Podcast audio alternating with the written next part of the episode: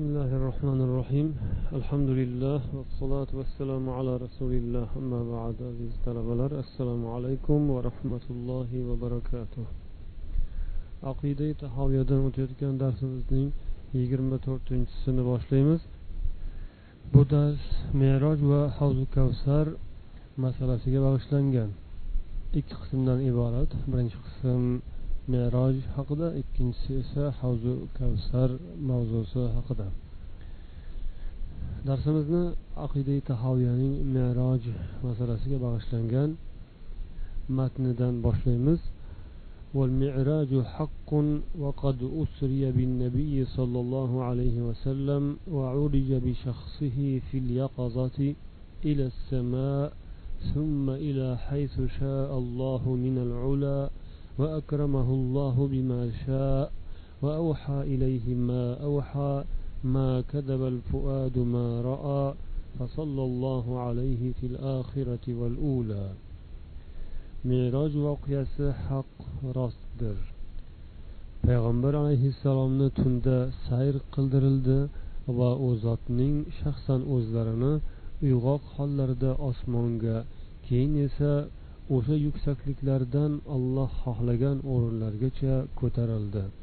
Va shu kecha u kishini olloh o'zi xohlagancha izzat ikrom etdi bir qancha narsalarni vahiy qildi. Payg'ambarning qalbi u kishi ko'zi bilan ko'rgan narsalarni inkor etmadi. Alloh bu zotga bu dunyoda ham oxiratda ham rahmat va salomlarini ato qilsin. Mana bu aqidai tahoviya meroji haqidagi matnlari shundan iborat. Meroj degani o'zi arab tilidan tarjima qilinganda misol vaznida ko'tarilish asbobi degan ma'noni bildiriladi bildiradi. Ya'ni go'yoki narvonga o'xshagan. Payg'ambar sollallohu alayhi vasallamni merojga ko'tarilishlari qanday kayfiyatda holatda bo'lganidan xabarimiz yo'q. Bu masalaning hukmi ham boshqa g'ayb masalalari kabidir. Biz unga iymon keltiramiz ammo uning kayfiyati nima qanday ekanligi bilan shug'ullanmaymiz.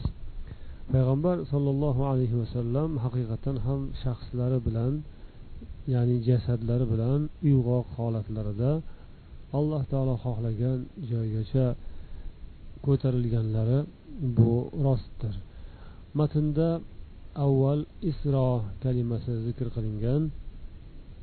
Shuning uchun ham bu voqeani kitoblarda isro va meroj voqeasi deb aytiladi. Isro degani bu tunda sayr qildirish degan ma'noni bildiradi. Ya'ni payg'ambar sollallohu alayhi vasallam avval makkadan to baytul maqdisgacha sayr qildirildilar. Tunda kechasida sayr qildirilganlar. Bu masalada ham odamlar ixtilof qilishgan ulamolar ixtilof qilishgan. Ba'zilar aytdilar payg'ambar alayhissalom ruhlar bilan kechasi sayr qildirildilar. Undan keyin merojga ham ruhlari ko'tarildi degan masalani zikr qilishgan. U kishining jasadlari esa o'rnidan qo'zg'algani yo'q deydilar. Buni muhammad ibn ishoq ismli tarixchi hazrati oysha roziyallohu anhu onamizdan va muoviya roziyallohu anhudan zikr qiladilar va bu al hasanul basriydan ham zikr qilingan. Demak bulardan qilingan rivoyatda payg'ambar alayhissalom ruhlari bilan sayr qildirildi.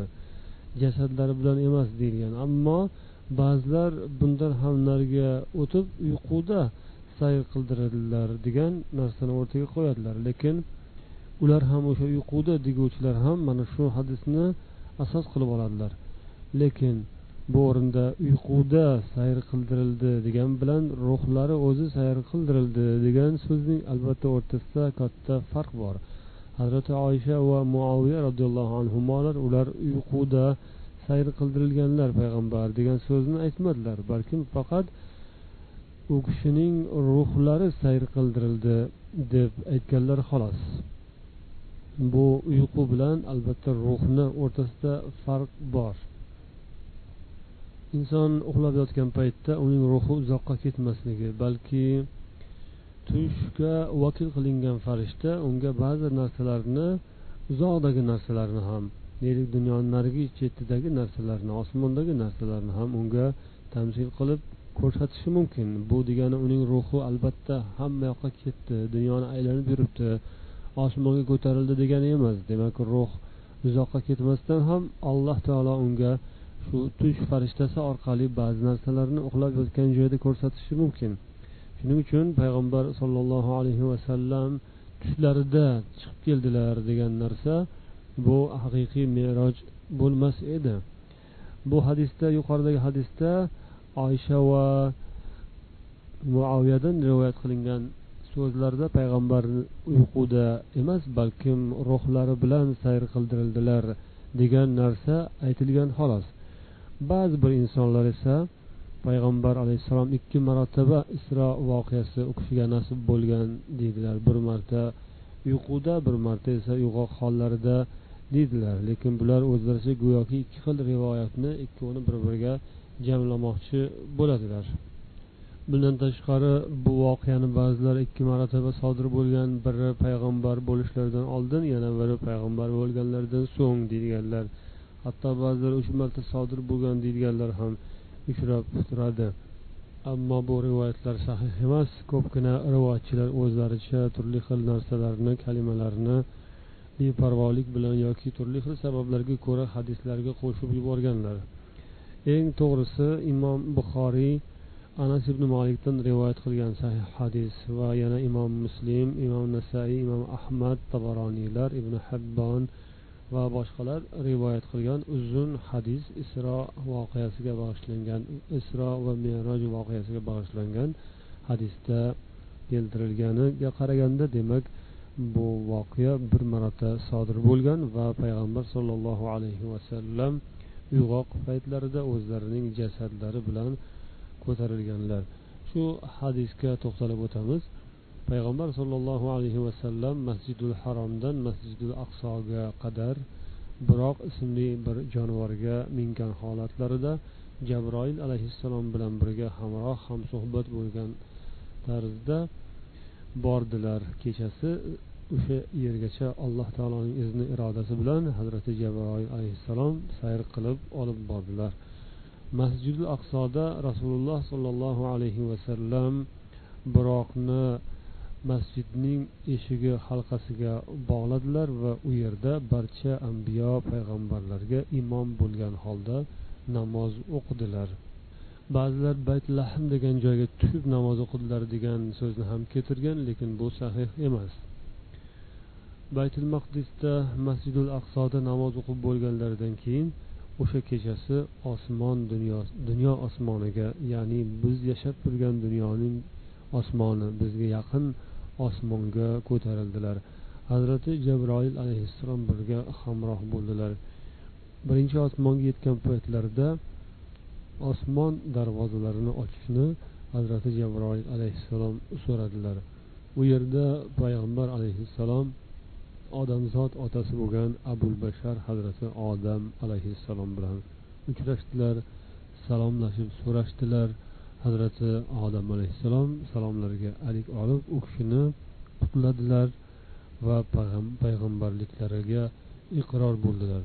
U yerdan so'ng ikkinchi osmonga ko'tarilib ikkinchi osmon ostonasiga yetganda u yerdan ham ruxsat so'rashdi. U joyda yahya ibn zakariyaga ro'bara bo'ldilar va hamda iso ibn maryam bilan uchrashdilar. Har ikkovlari bilan so'rashib salomlashdilar. Ular ham payg'ambar sollallohu alayhi vasallamni qutladilar va payg'ambarliklariga iqror bo'ldilar. Shundan keyin uchinchi osmonga ko'tarilib u yerda hazrati yusuf alayhissalom bilan ko'rishib salomlashdilar. Ular ham rasululloh sollallohu alayhi vasallamni muborakbod etdilar. Payg'ambarliklariga iqror bo'ldilar. Keyin to'rtinchi osmonga ko'tarildilar. U yerda idris alayhissalomni ko'rdilar so'rashib salomlashdilar. Undan so'ng beshinchi osmonga ko'tarildilar. U yerda horun ibn imron bilan ko'rishib salomlashdilar.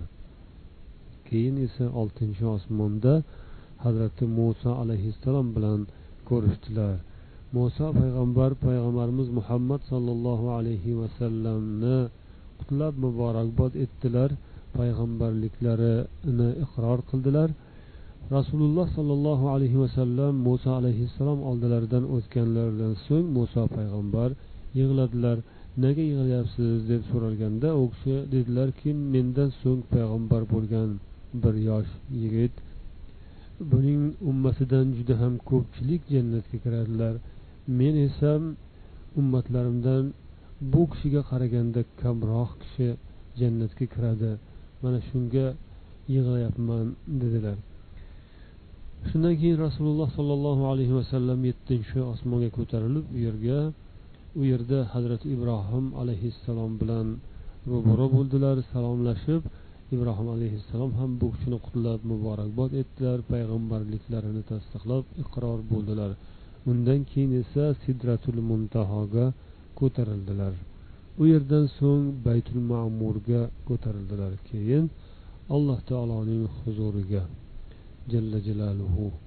Alloh taoloning ismlari naqadar ulug' muqaddas naqadar buyuk qudratli zot parvardigor olam payg'ambar sollallohu alayhi vasallamni izzat ikrom qildi mehmon qildi va o'zi atagan xoslagan vahiylarini rasulullohga ato qildi. U zotga ellik mahal namoz o'qishni ummatlari bilan birga farz qildi. Keyin bu narsalarni qabul etganlaridan so'ng payg'ambar sollallohu alayhi vasallam yana qaytib muso alayhissalom oldilaridan o'tganlarida muso payg'ambar nimalar buyurildi sizga? deb so'radilar. Payg'ambar sollallohu alayhi vasallam ellik mahal namoz o'qish farz etilganligini aytdilar. Shunda muso payg'ambar sizning ummatingiz bu buyruqlarga toqatlari yetmaydi. Siz qaytib boring parvardigoringiz huzuriga. Bu narsalarni biroz yengillatishni so'rang dedilar. Shunda hazrati payg'ambar alayhissalom jabroil alayhissalomga bir nazar soldilar. Ya'ni siz nima deysiz degan maslahatomuz nazar soldilar. Bunda jabroil alayhissalom ha mayli deganday ishora qildilar. Agar xohlasangiz mayli. Shunday qilib jabroil alayhissalom payg'ambarimizni yana qaytadan alloh huzuriga ko'tardilar. Shunda alloh taolo u kishidan o'n mahal namozni oldi yengillatdi yana qaytib muso payg'ambar huzurlariga tushganlarida muso payg'ambar dedilar yana qaytib boring parvardigoringiz huzuriga. Yana yengillatishni so'rang chunki sizning ummatlaringiz bunga ham qodir bo'lmaydilar buning ham um-, uddasidan chiqmaydilar dedilar. Shunday qilib bordilar alloh huzuriga qaytdilar. Alloh taolo oxirida bu namozlarni yengillatib yengillatib ya'ni yana qayta qayta muso alayhissalom bilan alloh taolo o'rtasida payg'ambarimiz sollallohu alayhi vasallam bir necha bor ko'tarildilar. Shunda oxirida yengillatib yengillatib namoz besh mahaliga keltirildi. Shunda muso payg'ambar yana qaytib boring buni ham ummatlaringiz uddasidan chiqolmaydilar dedilar. Lekin rasululloh aytdilarki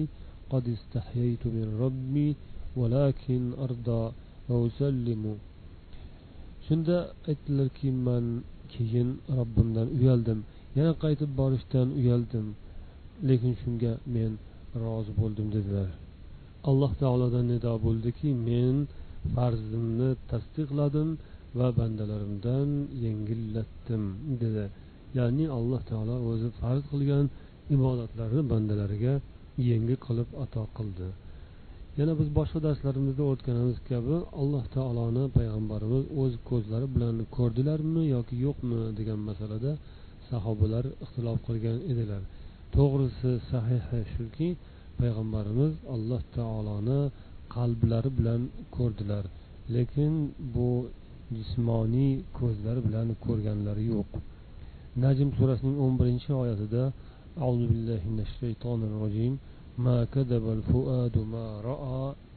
degan oyat yana o'n uchinchi oyatda esa degan oyat bor. Qalb ko'zi ko'rgan ko'z ko'rgan narsani yolg'onga chiqarmadi.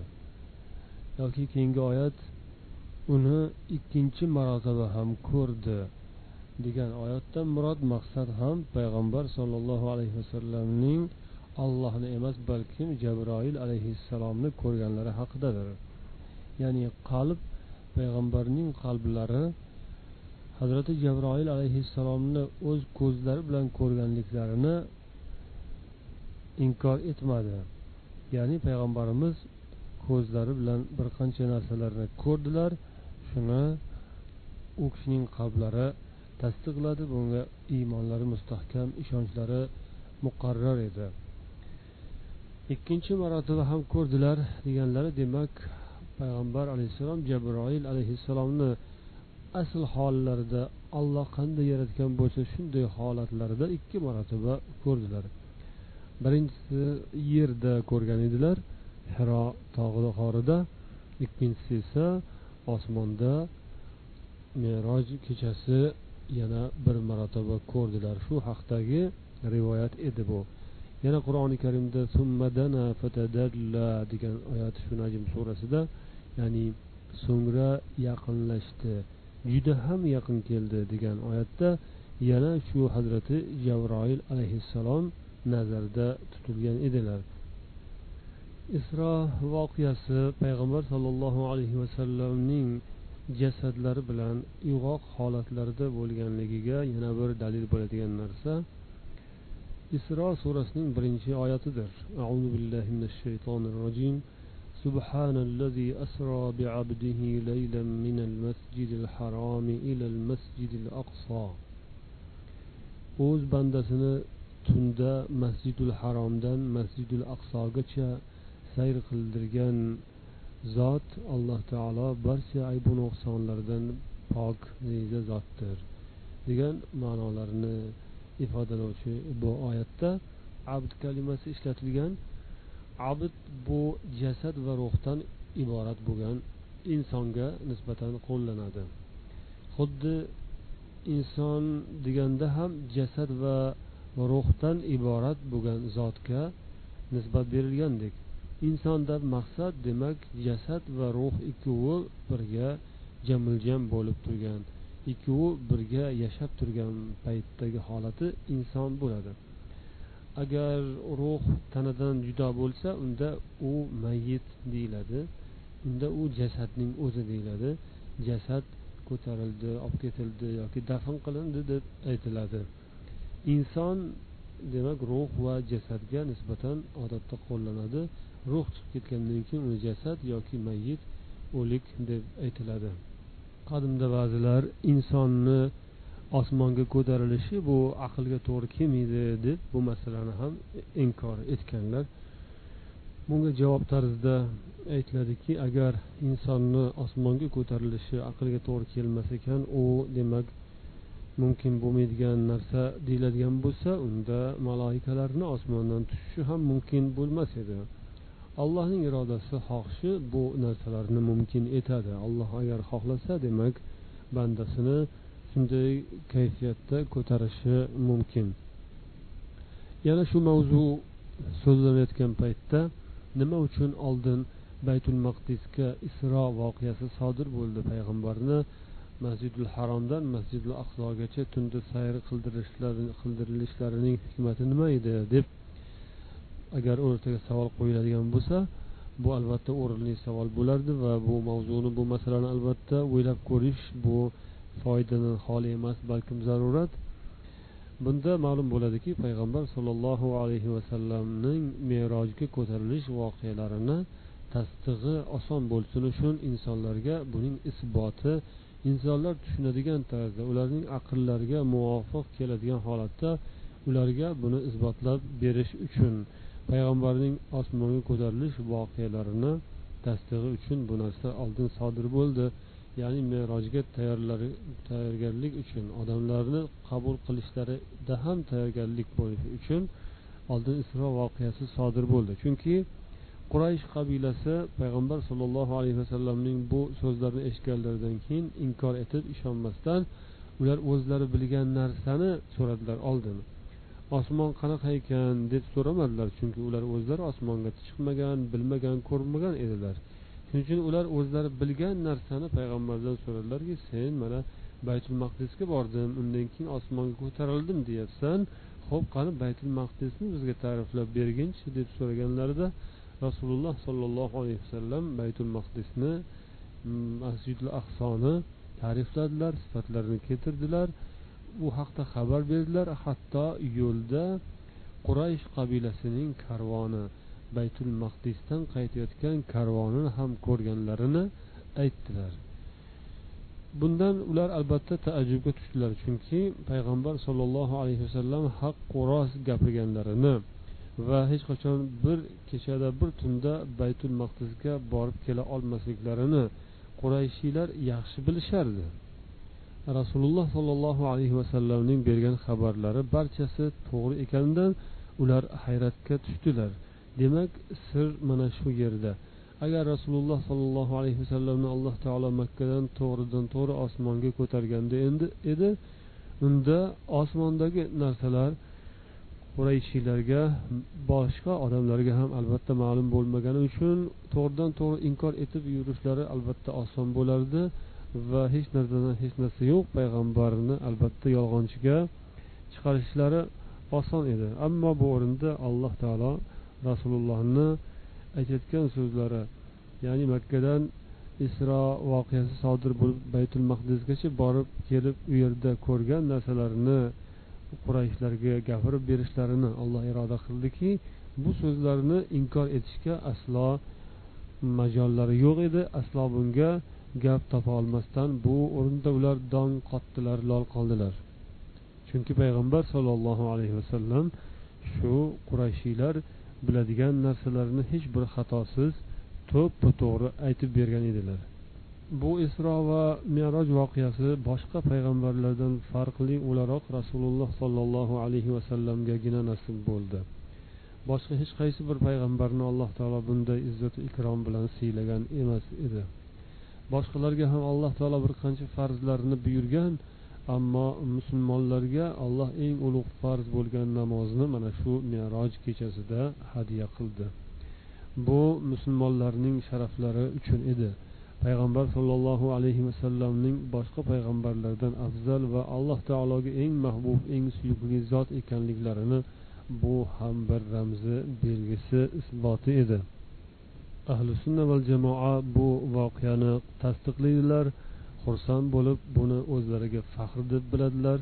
Demak payg'ambar sollallohu alayhi vasallamni ahli sunna val jamoa mo'tazilalar va boshqa adashgan toifalardan farqli o'laroq payg'ambar sollallohu alayhi vasallamni jasadlari bilan va uyg'oq holatlarida shunday oddiy inson qanday holatda bo'lsa shunday holatda osmonga alloh huzuriga olloh xohlagan joylargacha ko'tarilganlari va u yerda izzatu ikromga musharraf bo'lganlari haqidagi xabarni haqqi rost deb tasdiqlaydilar qabul etadilar e'tiqod darajasida saqlaydilar. Endi darsimizning ikkinchi qismiga o'tamiz. Bu havzu kavsar mavzusiga bag'ishlangan. Aqida tahoviyani shu haqdagi matnlariga murojaat qilamiz. والحوض الذي أكرمه الله تعالى به غياثا لأمته حق alloh taolo muhammad alayhissalomni izzat ikrom etib u kishining ummatlariga madad bo'lsin uchun ato qilgan kavsar hovuzi chinakam haqiqatdir havzi kavsar zikri haqidagi hadislar bu juda ham ko'p bo'lib mutavotir darajasidagi hadislardir buni o'ttizdan ortiq sahobiy rivoyat qilganlar. Alloh barchalaridan rozi bo'lsin. Mazkur mavzudagi hadislarga murojaat qilamiz. Imom buxoriy anas ibn molik roziyallohu anhudan rivoyat qiladilar.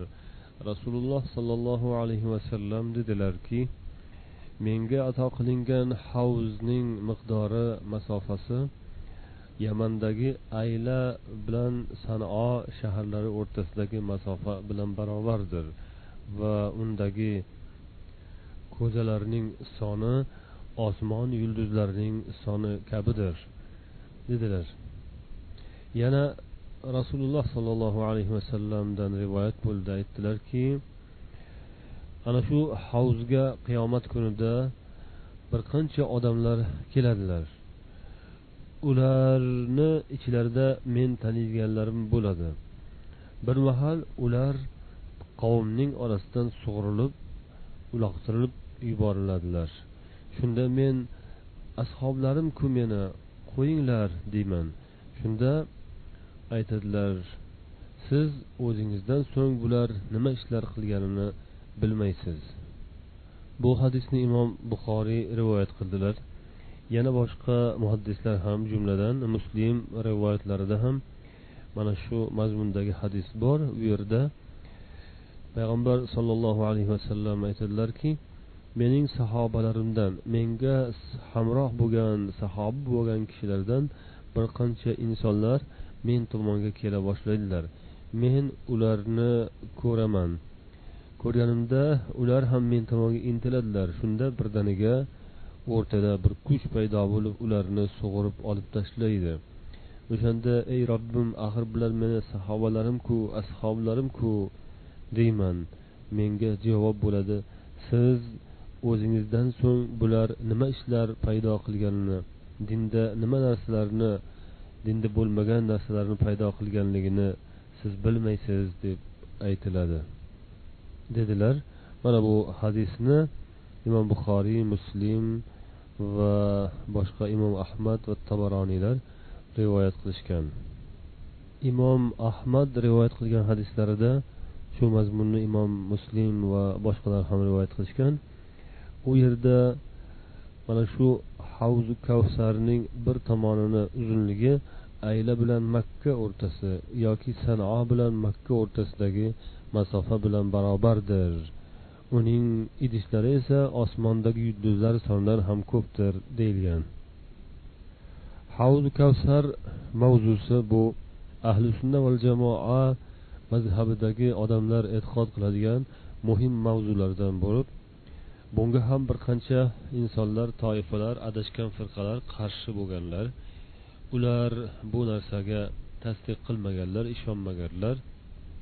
Bu boradagi hadislar nihoyatda ko'pligi nihoyatda mustahkam mutavotir darajada ekanligiga qaramasdan uni inkor etganlar haqida ba'zi salaf ulamolari aytgan aytgan edilarki kimki bunday ulug' marhamatga ishonmasa uni yolg'onga chiqarsa u albatta shundan mahrum bo'ladi. Oxiratda unga bu havzu kavsardan nasiba yo'q. Agar havzu kavsarni inkor qiluvchilar o'sha so'zlarini aytmaslaridan oldin bu boradagi hadislardan xabarlari bo'lganda edi o'sha bema'ni gaplarni gapirmagan bo'lardilar deydilar. Alloh unday insonlardan bizni uzoq qilsin. Havzu kavsardan parvardigorimiz barchamizga nasib etishini o'zidan so'raymiz. Imom ahmad roziyallohu rahmatullohi alayh anas ibn molik roziyallohu anhudan rivoyat qiladilar. Payg'ambar sollallohu alayhi vasallam bir kun uzoq vaqt sukut saqlab o'zlari bilan o'zlari mashg'ul bo'lib qoldilar. Ancha vaqt o'tgandan keyin boshlarini ko'tardilar tabassum bilan qaradilar va atrofidagilarga dedilarki men nima uchun kuldim bildingizmi? deb so'radilar. Yoki sahobalar u kishiga qarab yo rasululloh nega kuldingiz deb so'radilar. Shunda payg'ambar alayhissalom javob berdilarki innahu nazalat alayya anifan suratun فقرأ بسم الله الرحمن الرحيم إنا أعطيناك الكوثر حتى ختمها aytdilarki hozirgina menga bir sura nozil bo'ldi dedilar va shundan keyin bismillahi rohmanir rohim deb kavsar surasini o'qidilar oxirigacha tugatdilar keyin aytdilarki kavsar nima ekanligini bilasizlarmi Sahobalar alloh va uning rasuli biladilar deb javob berdilar. Payg'ambar alayhissalom u kavsar alloh taolo menga jannatda ato qilgan bir daryodir. Unda juda ko'p yaxshiliklar bordir. Unga qiyomat kuni ummatlarim keladilar. Uning idishlari yulduzlar adadichadir. Shunda bir banda o'sha kelgan odamlarni orasidan sug'urib olinadi. Men unga yo robbim axir u mening ummatimdan ku deb aytaman. Shunda menga javob beriladiki siz bular sizdan keyin nimalar qilib qo'yganlarini dinda nimalar paydo qilganlarini bilmaysizda deyishadi.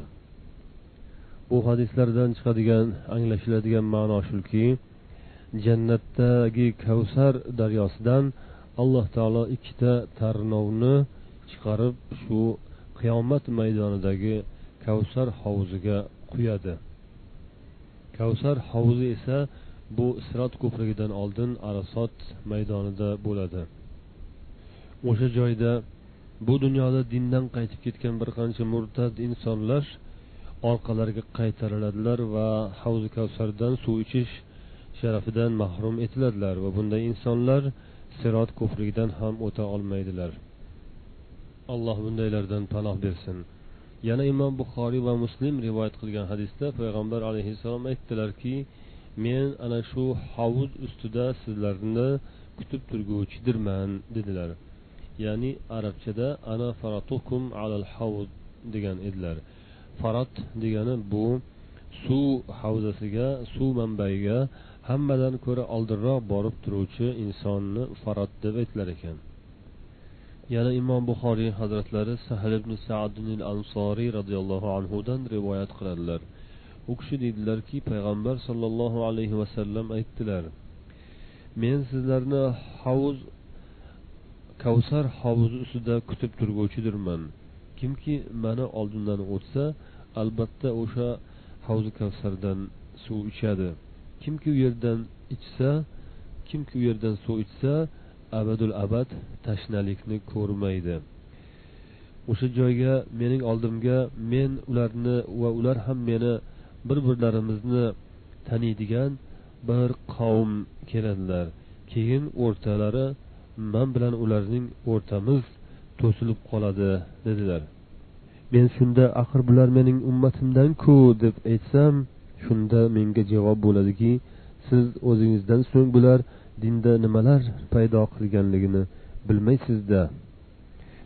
Shunda men o'zimdan so'ng dinni o'zgartirib yuborgan odamlar uzoq bo'lsinlar mendan uzoq bo'lsinlar deb aytaman deydilar. Havzu kavsarning sifati haqida kelgan hadislardan ma'lum bo'ladiki bu shunday bir buyuk hovuz ya'ni shunday ulkan bir suv havzasidir u yerga qancha mo'min musulmon bo'lsalar hammalari kelib olloh xohlagan insonlar o'sha yerdan suv ichishlari o'sha bir marta suv ichgandan so'ng abadul abad tashnalik balosini ko'rmaydigan bir sharafga muyassar bo'lishlari mumkin bo'lgan joydir. U jannat suvidan doim to'ldirib turiladi.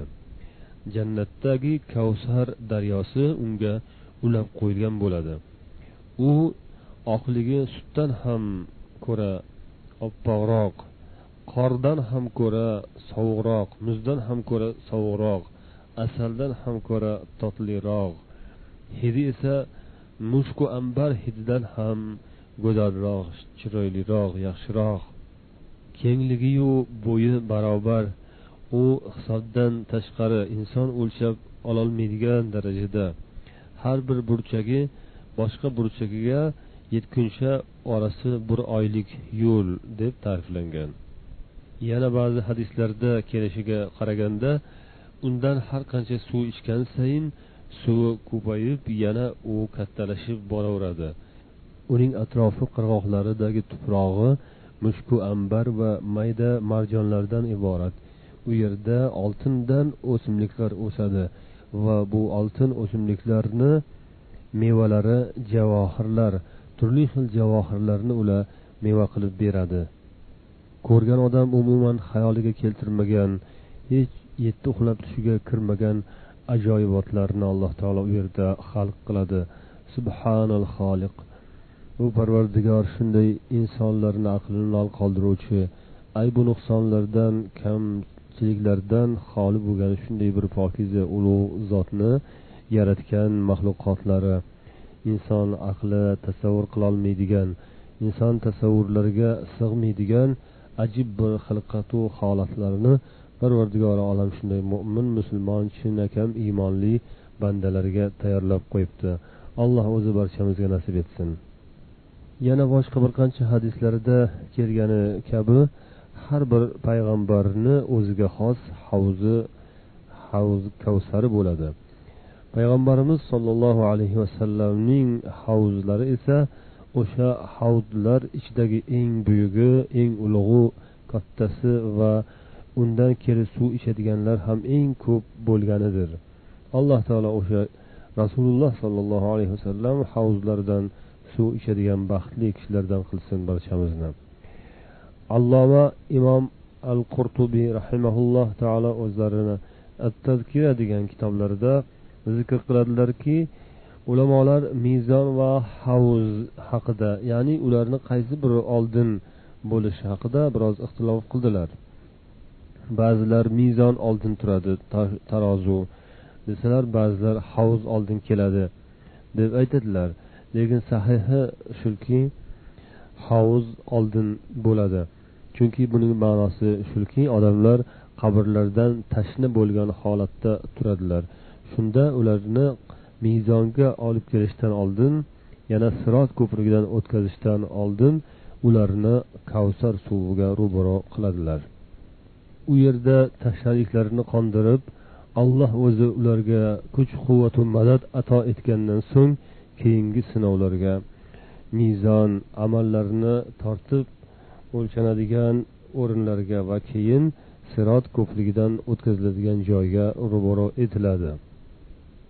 Yana imom qurtubiy zikr qiladilarki xayolingizga u narsalar mana shu yerda bo'ladi degan narsa kelmasin balkim u narsalar bizning bu yerimizda emas balkim bundan boshqa yerda bo'ladi.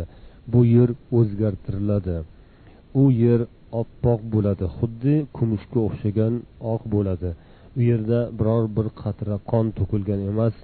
U yerning ustida hech bir kimsa biron bir zarra zulm ko'rgan yoki zulm qilgan emas shunday bir pokiza yer bo'ladi. U yerda al jabbor ismli qudratli parvardigor u yerda insonlar o'rtasini hukm qilish uchun u joyda adolatni qoyim qilish uchun zolimlarga jazo mazlumlarga mo'min musulmon itoatkor ibodatdagi o'zini chinakam bandalarga mukofot ato aylamoq uchun ana shunday bir pokiza joyni pokiza yerni alloh taolo yaratadi deydilar. Alloh taolo barchamizni o'shanday pokiza joyda ulug' mukofotlarga musharraf bo'ladigan baxtli kishilardan bo'lishimizni parvardigor nasib etsin. Havzu kavsarning esa mavjudligini inkor etgan unga ishonmaganlar ular o'zlarini o'sha qiliqlari va yomon tabiatlariga yarasha jazo oladilar. U esa o'shanday tashnalik kunida qattiq tashnalik kuni qiyomat kunida bu havzu kavsar suviga borib u yerdan tashnaliklarini qondirish sharafidan mahrum etiladilar. Alloh ulardan uzoq qilsin. Barchamizni parvardigor olam bu dunyoda ahli sunna val jamoa aqidasini qalbimizga mustahkam jo etib shunga ko'ra amal qilishimiz va oxirida mukofotiga sazovor bo'lishimizni allohdan so'rab qolamiz. Vassalomu alaykum va rahmatullohi va barakatuh. Mana shu bilan yigirma to'rtinchi darsimiz nihoyasiga yetdi. Subhanakalloh.